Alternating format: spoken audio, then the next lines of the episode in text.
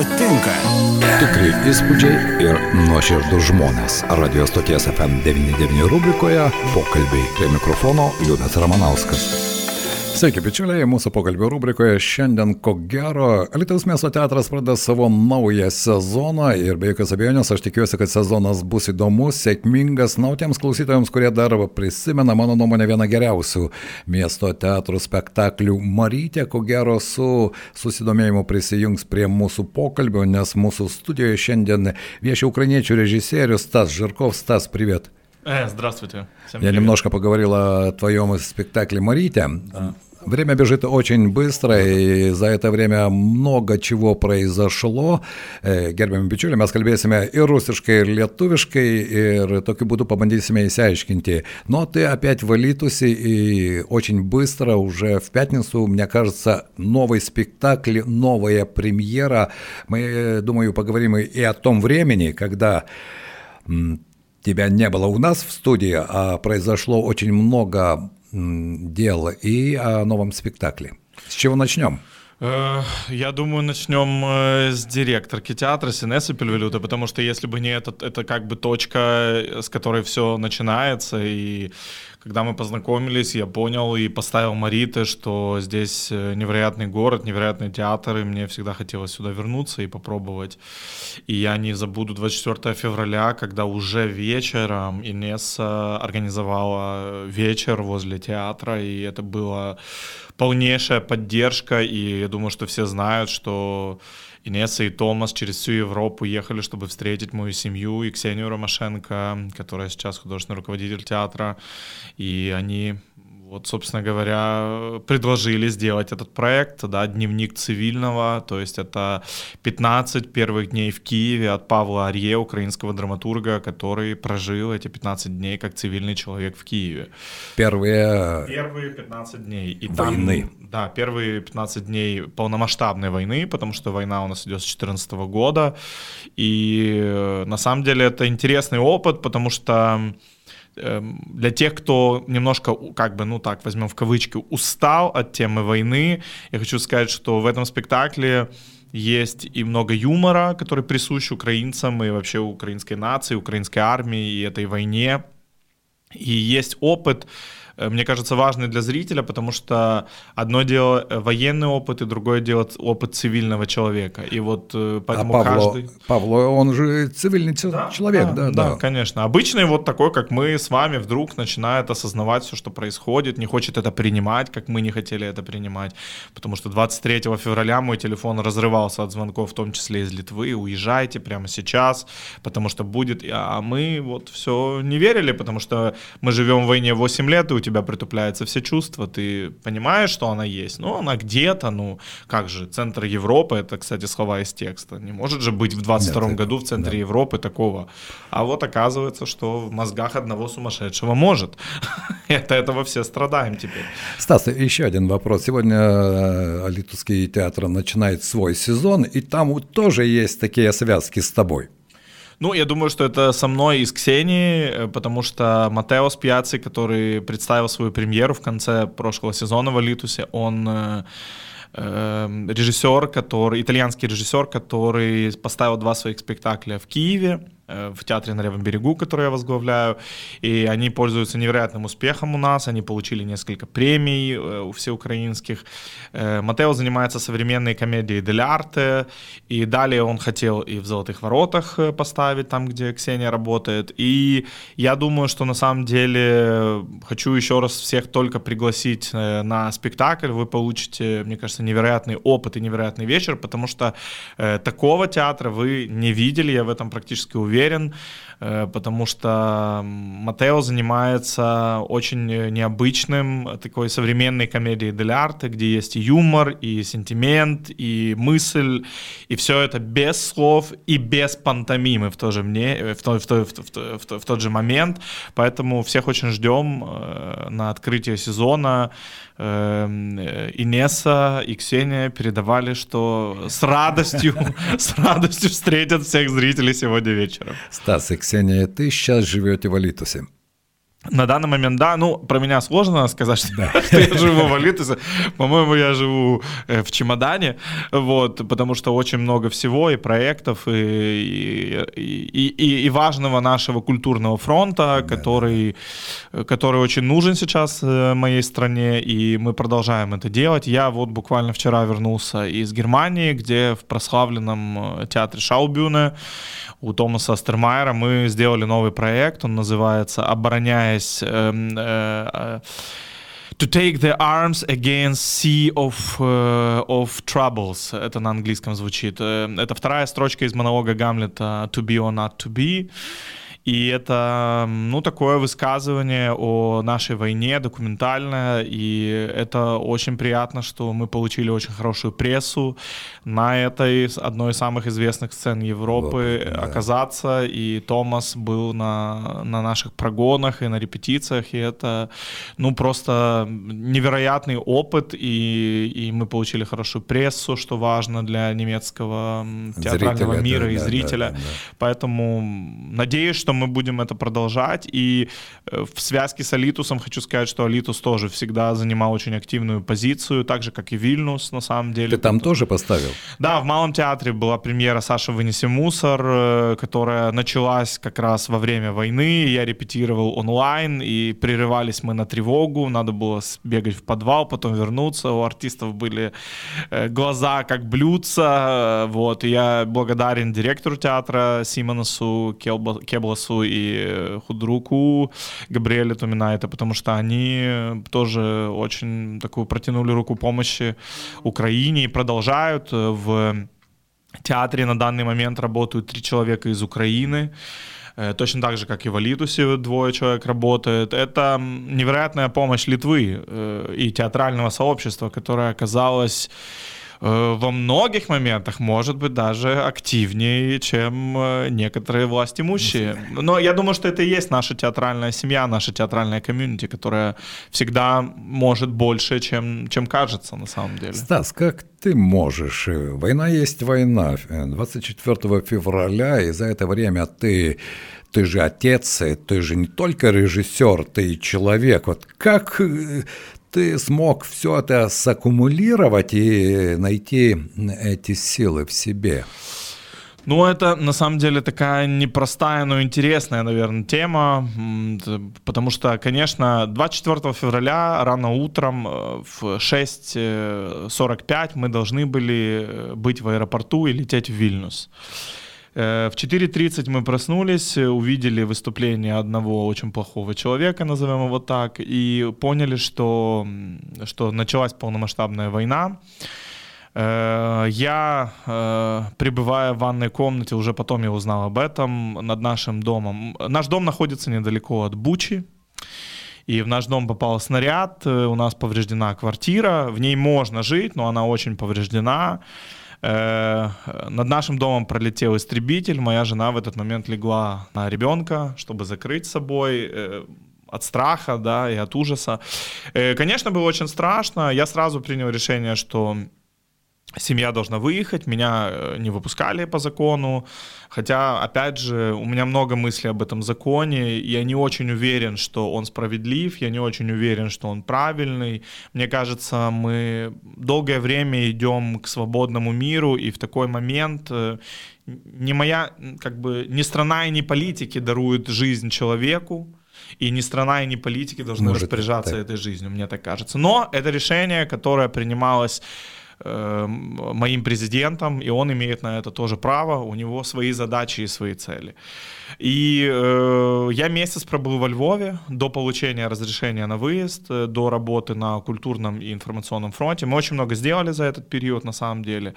Э, поэтому как муж, как отец, моя задача была сохранить жизнь моей семье, и я с этим справился благодаря друзьям, помощи. Опять же, Инесса невероятную помощь оказала моей семье, за что ей буду помнить это до конца своих дней. И, и, наверное, самое главное, что ты думаешь в этот момент, это то, что ты переосмысливаешь всю свою жизнь на самом деле. Первые семь дней я поделился этим с Томасом Эстермайером на встрече. Я думал, что я никогда в жизни больше не буду заниматься театром я начал думать о том, что я умею, что я могу. Ну, потому что теряет, э, как бы, мысль была очень простая. Если искусство, театр, музыка и литература если мы не справились, если в 21 веке все может это возможно, война, да? и все это возможно, значит, мы не справились. А если мы не справились, тогда зачем этим заниматься? Но потом ты остываешь, ты переосмысливаешь и думаешь, нет, ну, все-таки что-то мы можем, раз э, мы оказываем такое сопротивление, раз у нас есть такая большая сила духа, значит, мы должны это поддерживать. И тогда ты начинаешь думать, чем ты можешь быть полезен, если ты не готов взять оружие в руки, а я был не готов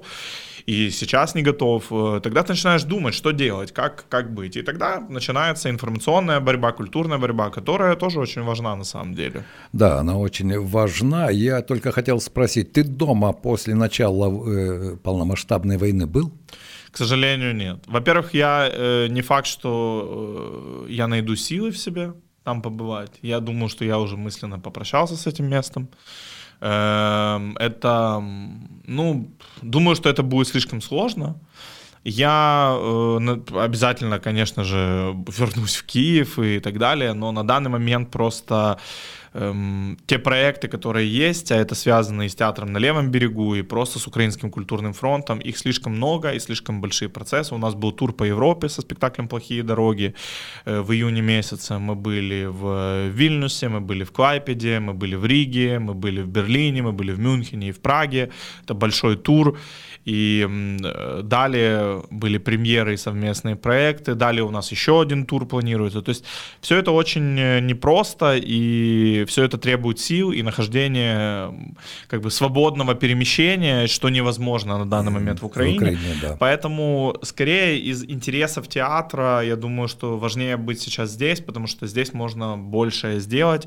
У нас есть проблемы с финансированием в Украине, естественно, и каждый проект это возможность, э, в том числе украинским театральным деятелям получить какие-то финансы, получить какие-то деньги, получить какие-то средства для выживания да. просто, потому что у нас сейчас ослаблен бюджет, и это ясно, у нас в стране идет война, и мне не, не в чем обвинить свое государство, но значит нам надо искать другой выход, и вот мы нашли такой. Что делают театры в Киеве, в Украине сейчас? Не все же уехали, не все могут работать в Германии, в Литве. Э, я думаю, что, э, не я думаю, я знаю, что многие театры открыли свои двери. Это в любом случае некий урезанный формат, это работа там, в подвальных помещениях, это работа с тревогой. Во время тревоги спектакль должен быть остановлен. И, конечно, все это непросто, все это сложно, все это... Но как бы театр на левом берегу и театр Золотые ворота в том числе открыли свои сезоны, мы играем спектакли, конечно, не в том объеме. У театра на левом берегу около 20 работников находится э, в ЗСУ, они служат, в некоторые из них сейчас в горячих точках, некоторые из них прошли очень серьезные ранения, поэтому даже просто для того, чтобы играть в спектакле, нам нужно сделать очень большую работу, нужно сделать вводы, нужно... Поэтому наша задача сейчас э, скорее работать на двух фронтах. С одной стороны, это европейский, да, культурный, информационный фронт, с другой стороны, это поддержка граждан своей страны, гра- жителей своего города, поэтому вот мы так и работаем, стараемся сделать все, чтобы на этих двух, в этих двух плоскостях мы были максимально полезны.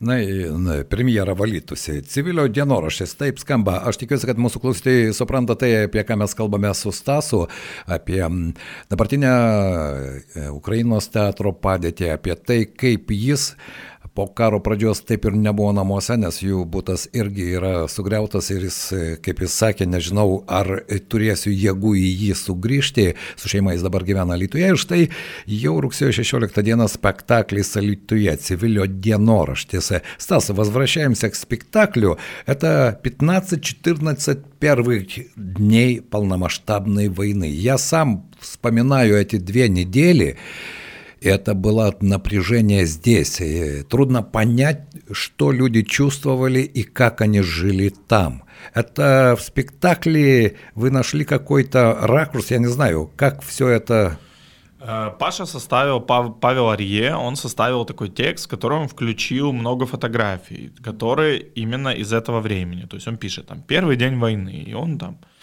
делает там скриншот своего поста в Фейсбуке, он делает какой-то текст о своих внутренних ощущениях, о своей борьбе, которая в нем была. Э, в Алитовском театре есть прекрасный артист, которого наверняка все знают, Вайдас Проспаляускис, э, которого все привыкли видеть в более, наверное, комедийных ролях. Здесь будет и комедия, и трагедия. Это его моноспель, он час, э, практически 31 на сцене. Но этим он и ценен, этот спектакль, потому что это переживание одного человека, которые могут передаться нам. Это очень интересный текст, интересный опыт, и мы попытались э, почувствовать Павла, да, его внутренний мир, его борьбу, потому что там много вопросов к себе на самом деле в этом в это в этот в этот момент возникает, как и я сказал, да, что я первую неделю думал, что я не буду заниматься театром. Там что-то похожее, наверное, но э, как у Паши всегда там есть юмор, поэтому ждем всех э, на нашем спектакле. Спектакль премьера в Алитусе, но я знаю, что он уже был показан, да? Что это за история? Э, на самом деле премьера случилась в Сакартвело, в Поти, в Грузии, ну, в Сакартвело, э, поэтому как бы это премьера в Литве, а уже такая международная премьера была, и, конечно, для жителей Сакартвело это тоже очень близкая тема, у них тоже 20% э, э, территории оккупирована Российской Федерацией, и, конечно, они все это пережили, переживают, понимают, поэтому я думаю, что вот эти общие травмы, я думаю, что опять же, поддержка, такая большая поддержка в Литве Украины, она еще связана с тем, о чем мы говорили в Марите. Мы пережили общие травмы, мы травмированы однозначно одним общим врагом, и это оккупация, которая была 70 лет. Обидно, что мы не смогли, так как Литва, осознать это, обозначить это, как бы уйти от этого, да, вот э, это то, о чем я думаю сейчас по отношению своей истории, истории своей страны в эти года с 91 года по 2022 и по 2014. Но мы учимся, мы понимаем сейчас и берем этот опыт э, тоже себе. Стас, мы начали разговор с того, что никто не верил, что в 21 веке все это возможно. Ты творческий человек, я понимаю, осмыслить все это, почему это случилось.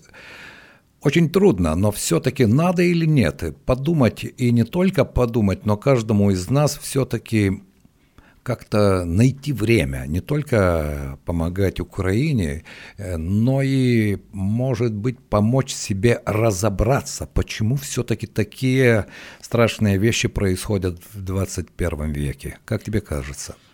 Ну, я думаю, что это, конечно, э, сложный вопрос, потому что, как, как объяснить, э, с одной стороны, у тебя есть сострадание, ты понимаешь, что гибнут люди, ты хочешь помочь, ты помогаешь, ты не знаю, скидываешь деньги, ты отдаешь вещи, ты поселяешь в своем жилище людей, ты, ты всячески помогаешь. С другой стороны, тебе приходит счет за газ, за коммуналку, и ты понимаешь, насколько выросли цены. Выросли цены не только за коммуналку, выросли цены в магазинах.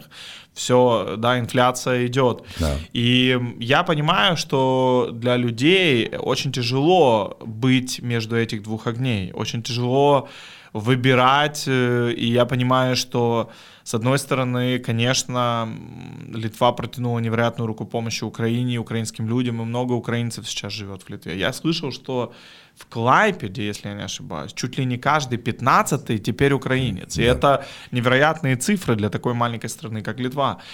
С другой стороны, я понимаю, что если мы сейчас все, вот всем миром, всей Европой не получим этот опыт, этот опыт сострадания, этот опыт очищения, мы никогда не поймем этой ошибки. Потому что, конечно, Литва нет, но та же Германия, та же э, Франция, э, они в 2014 году, страны, от которых очень многое зависит Зависело, в Европейском да. Союзе, не поняли, что произошло. Я думаю, что я не нахожусь в обвинительной позиции, но я анализирую и понимаю, что если бы в 2014 году была другая реакция на вторжение в Донбасс и на аннексию Крыма, то мы бы, быть может, сейчас бы не получили. А так как, когда мы когда мы способствуем вседозволенности, тогда мы в первую очередь придаем демократию, потому что демократия это не все дозволенность, демократия это рамки, в которых ты имеешь свободу. И ответственность. И ответственность, которую ты несешь за каждый свой шаг. Поэтому я думаю, что мне бы в связи с этим хотелось всех пригласить еще на одну премьеру, которая будет, о которой мы поговорим. Какая же это премьера будет? Это премьера «Ревизор», которая будет в начале октября в Алитовском театре, где мы говорим о коррупции, где мы говорим о демократии, где мы говорим о, самое главное, об ответственности. Потому что есть шаги, которые кажутся очень веселыми, очень э, смешными, очень э, такими фриковскими, но у нас э, все начиналось именно так наши э, любители русского мира, у нас было много мемов на эту тему, и шуток, и юмора, и так далее, а оказалось, что это люди, которые в определенный момент очень легко по щелчку пальца сдадут твою страну. Алитус находится в очень непростом месте. Это путь к Калининграду, да, к Кёнигсбергу. И мне кажется, что надо подумать о том, как... Э, это не будет э, история про Алитус безусловно. И я не настолько ознакомлен с городом и с властью этого города, чтобы делать какие-то выводы. Это скорее мои и автора Павла Ария, и команды спектакля, ощущения... Павел тоже работает, да, да с Павел, ревизором? Да, да, мы переписали текст, у нас был такой воркшоп весной, где мы встретились с командой, мы говорили о тех процессах, проблемах, которые есть в Литве, где были затронуты и семейный марш, и многие другие. Очень смешные, казалось бы, проекты, но когда ты смотришь три видео, а люди на этих видео не могут спеть гимн Литвы, то ты начинаешь задумываться, это вроде бы смешно, но на самом деле это не смешно. И э, никого не критикуя, и не, это будет не только разговор о семейном марше, но это будет разговор, где мы попытаемся смоделировать некоторые ситуации, которые могут возникнуть. Думаю, что будет очень смешно и очень страшно. Хотелось бы, чтобы было так. Лучше страшно и потом э, смешно, или наоборот? Конечно, лучше, лучше просто смешно, бесстрашно. Но театр, у него, к сожалению, есть такая функция, или к счастью, отрезвлять.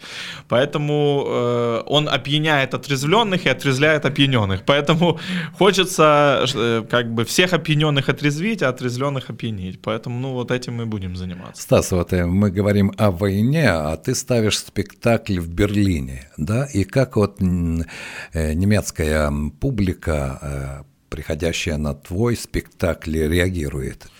На самом деле это была одна из тем, э, потому что там участвуют два украинских артиста и один немецкий артист. Это совместный проект Шаубюна и Театр на левом берегу.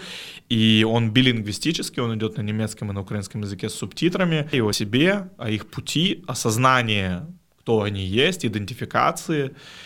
Э, и Холгер Бюлев, который актер э, этого спектакля из Шаубюна, он говорит о том, что его поколение, по сути, уже и не понимает, что это была за война. И даже его деды и бабушки косвенно связаны с этой войной. И для него э, это тоже очень важный опыт, соприкоснуться с этой войной. Я думаю, что для Германии это тоже очень непростой путь, потому что... Эта стигма же была такая Конечно, долгая. Они до сих пор чувствуют вину перед Э, России, но они не могут понять одну очень важную вещь что Советский Союз это не только Россия, и основные бои были не на территории России, а на территории Украины или Беларуси и Литвы, понимаете? Поэтому очень сложно э, им это понять и осознать, потому что многие годы миллионы долларов и евро тратились на серьезную пропаганду и на воспитание этого чувства вины именно перед россиянами, и россияне очень фривольно себя чувствуют, э, в Берлине особенно, потому что там громадные громадный флаг России на посольстве в центре города.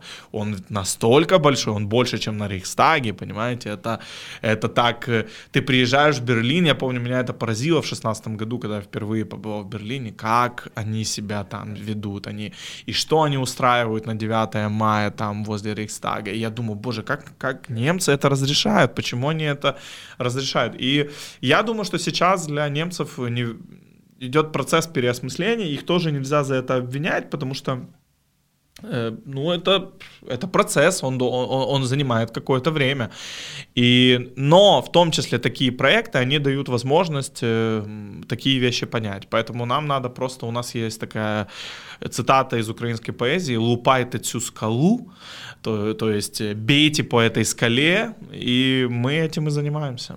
Я думаю, что за эти больше чем полгода литовцы тоже научились понимать украинский язык. Кстати, да, многие понимают. Ну, есть же вещи очень похожие, например, декую, дякую, или место, мисто, и прошел, перепрошую, поэтому Э, конечно, мы тоже пытаемся понимать литовский язык и учить. Это очень непросто. Еще мне очень нравится, что литовцы вместо того, чтобы поддержать в они говорят, нет, ну, у нас очень тяжелый язык. И это, это так дает силы сразу прямо. Но э, это правда, конечно, это очень непросто, но мы стараемся. Стас, ты веришь в победу? Фу, это очень сложный вопрос. Э, я верю в победу, но я также верю в то, что это мы еще будем очень много лет выходить из этого кризиса, из финансового кризиса, из культурного кризиса. У меня много вопросов к моей стране на протяжении этой войны, к решениям, которые принимаются, в частности в культурной сфере. Я думаю, что безусловно это будет победа, она будет э, цены. Это, но это уже вопрос следующий. Но я думаю, что понемножку и мы все понимаем, что это не только война Украины, это война не только всей Европы, это все-таки что-то очень сложное, но мне так кажется, все-таки время какое-то придет, чтобы точка, ясная точка каждому из нас, она была поставлена. Это... Ну, для меня, мы уже говорили об этом немножко для, до эфира, это продолжение Второй мировой, потому что, мне кажется, есть две точки, где мир должен был... Три точки, где мир должен был быть внимательнее. Это окончание Второй мировой, когда Э, нельзя было разрешать Советскому Союзу чувствовать себя э, победителем, одним из победителей. Конечно, он один из, но не, не один, да, как потом это вещалось и разрешалось. Нельзя было оставлять нас одних в 91 году мы, было понятно, что э, не справится. Не справятся демократические силы в России, не справится Украина с э, таким влиянием, не справится Казахстан. Не справ... То есть мы не справимся, и нельзя было нас оставлять. И 2014 год, конечно же. То есть это три точки, в которых э, были допущены, наверное, ошибки. Будет хорошо, если мы все это поймем и, и сделаем обратно. Выводы, да, и научимся. Спасибо тебе. Spasiba большое. Ačiū labai. Stas Žirkov, režisierius, kurio spektaklis įvyks jau rugsėjo 16 dieną, 18 val. civilio dienoraštis. Taip, tai yra Pavlo Ary dienoraštis, kuris perkeliamas į Lietuvos miesto teatro sceną. Tad, bičiuliai, pasižymėkite šią datą, jeigu prisimenate Staso režisuotą Marytę, o mano nuomonė ten buvo labai pakabinta jautriai, labai skaudžios temos, tai nebejoju, kad šis spektaklis taip pat jūs suintriguos. Na ir revizorius, jau spalio mėnesį dar viena premjera. Aš stebiuosi, kaip Stasas taip kūrybingai sugeba dirbti vienu metu ir Berlyne, ir Lietuvoje, ir Vilniuje, važinėti su turais po Europą. Jis turi tiek energijos. Tikrai įspūdžiai ir nuoširdus žmonės. Radio stoties FM99 rubrikoje pokalbiai prie mikrofono Liudas Ramanauskas. FM99